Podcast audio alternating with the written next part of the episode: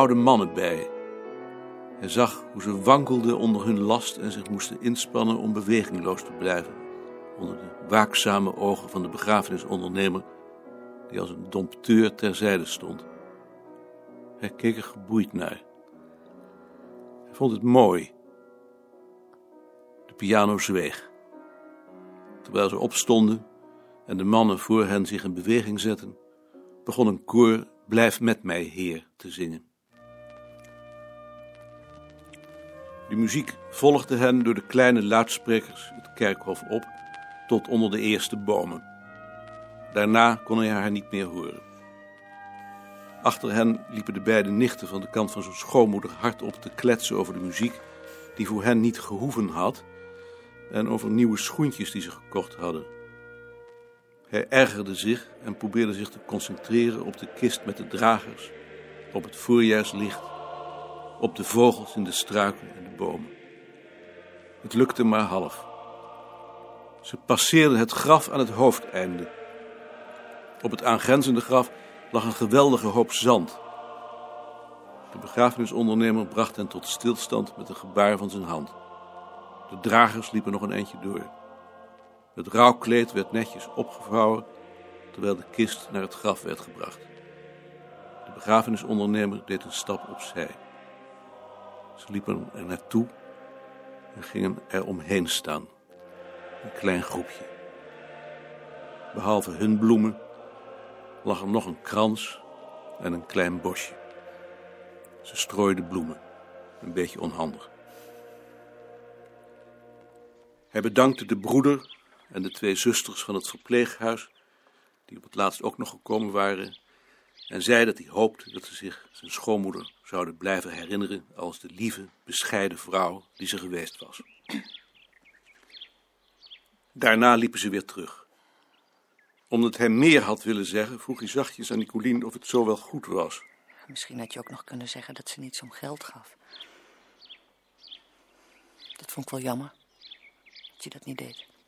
Ontevreden over zichzelf luisterde hij naar het gekakel achter hen dat weer begonnen was. Ze kwamen terug in de erker. Iedereen gaf hun nog eens een hand. De begrafenisondernemer bracht hem de grammofoonplaten en de zwarte plastic zak waarin ze vervoerd waren. Hij deed het condolianceboek in een map en gaf hem die, terwijl de anderen al naar de uitgang liepen. Rond de aula stonden de mensen voor de volgende begrafenis. De oudste nicht van Nicolien, die van haar vaders kant, liep met hen mee. Ze stapten in haar auto en reden opgelucht en nog een beetje triest naar Kijkduin, naar Atlantic, op de plaats waar het badhotel van Nicoliens oom had gestaan.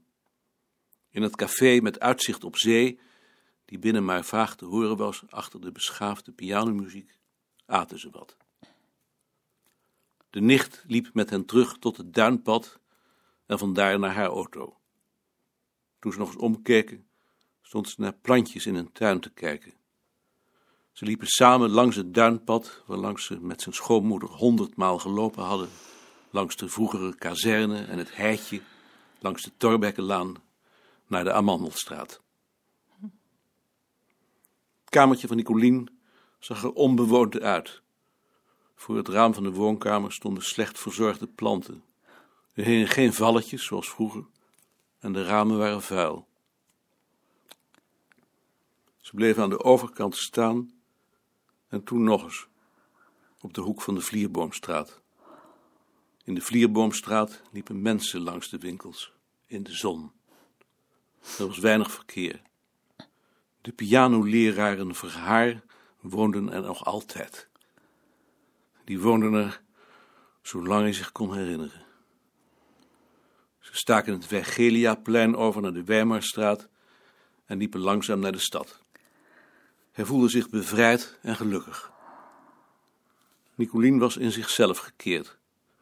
Ze had een lief, zachtmoedig gezicht, zoals ze dat had als ze helemaal ontspannen was. In de posthoorn dronken ze een glas bier, alleen gehinderd door twee giechelende vrouwen aan de tafel naast hen. Buiten scheen de zon. De kastanjes werden al groen. Ze reden met lijn 9 naar Scheveningen. Ze liepen langs de boulevard naar het visrestaurant aan de buitenhaven. Nicolien Heilbot, hijzelf Poon, met een gewürztraminer. De vis was voortreffelijk.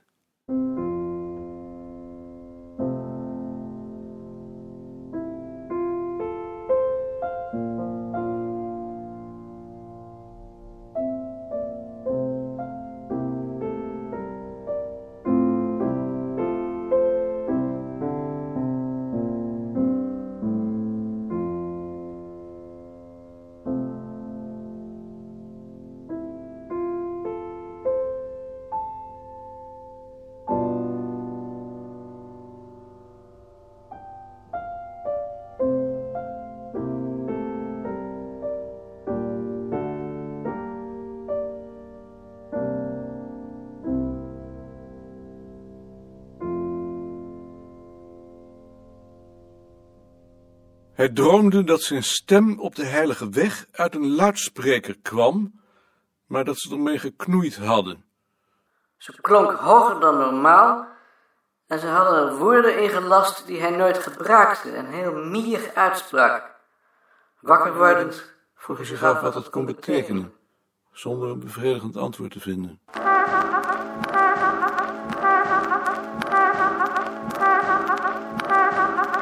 Denk je om het slakje?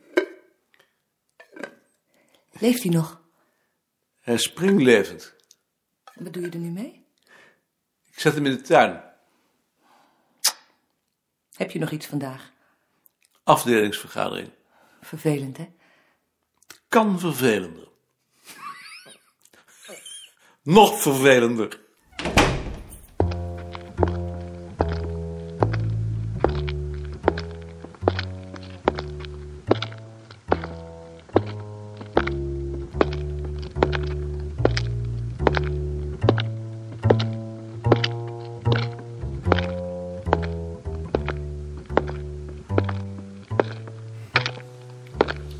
Als iemand de deur wil sluiten, dan wou ik beginnen.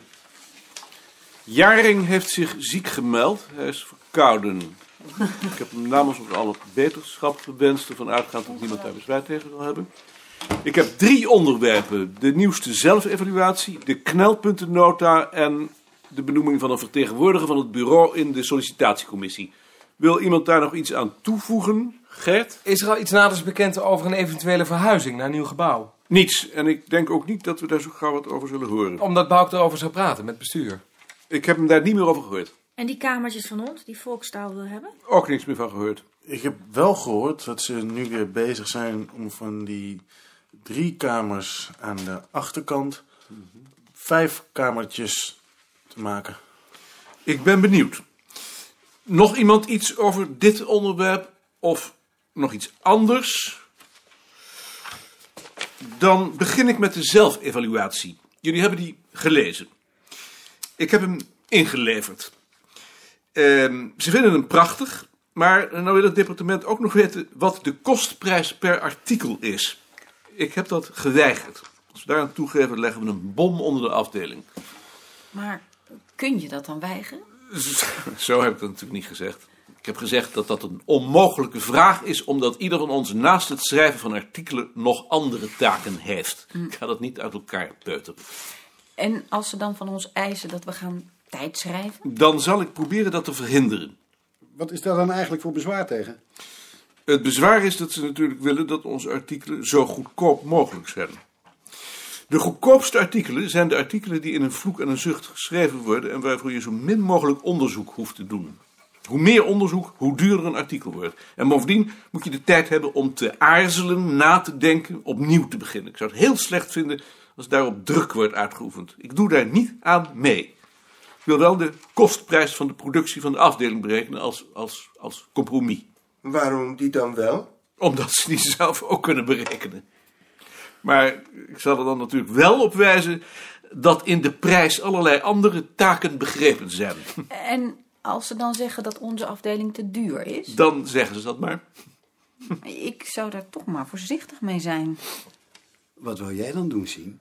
De mensen die onderzoek doen meer tijd aan onderzoek laten besteden. Zolang de documentalisten de literatuurinformatie niet volledig voor hun rekening kunnen nemen, is daar natuurlijk geen sprake van. Maar het gaat er in de eerste plaats om dat ik vind dat op de duur van het onderzoek onder geen enkele voorwaarde bezuinigd mag worden. Iedereen doet wat hij kan. En als hij daar meer tijd voor nodig heeft dan een ander, om welke reden dan ook, dan mag dat. En of dat nou duizend gulden kost of honderdduizend, dat zal een eh, zorg zijn. Dan verlagen ze onze salarissen maar. Maar dan wel van iedereen. We moeten er voor alles voor waken dat ze ons tegen elkaar opjagen. Hoe reageerde Balk daar eigenlijk op? Ik geloof niet dat Balk het ook maar een moer interesseerde, maar ik denk dat hij het op dit punt wel met me eens is. Hij, zei in ieder geval niets. Nou, dat, dat hoop ik dan maar. Dat hij, dat hij niets zei is in ieder geval zeker. Nog iemand een vraag over dit onderwerp? Dan de knelpuntennota. Dat is iets nieuws. Het departement wil weten wat de urgentie is van de verschillende onderzoeken die door ons gedaan worden, hoeveel onderzoekstijd daar nog in gaat zitten en wanneer ze zullen zijn afgesloten. Ze willen bovendien weten wat er op die verschillende gebieden in het buitenland gebeurt en in hoeverre de verschillende onderzoeken op elkaar zijn afgestemd. Dat is tot daaraan toe. Ik zal dat met ieder van jullie afzonderlijk bespreken. Belangrijker is dat ze ook willen weten wat er niet gebeurt omdat we daarvoor geen mensen hebben. Daarvan kan ik natuurlijk een hele waslijst maken. Ik zal dat ook doen, vooral omdat Rentjes in een brief aan de wetenschapscommissie een claim heeft gelegd op de eerste vacature op het bureau, net als Kloosterman dat in de tijd heeft gedaan. En de wetenschapscommissie daarin op aandringen van Balk, net als bij Kloosterman, in principe heeft toegestemd.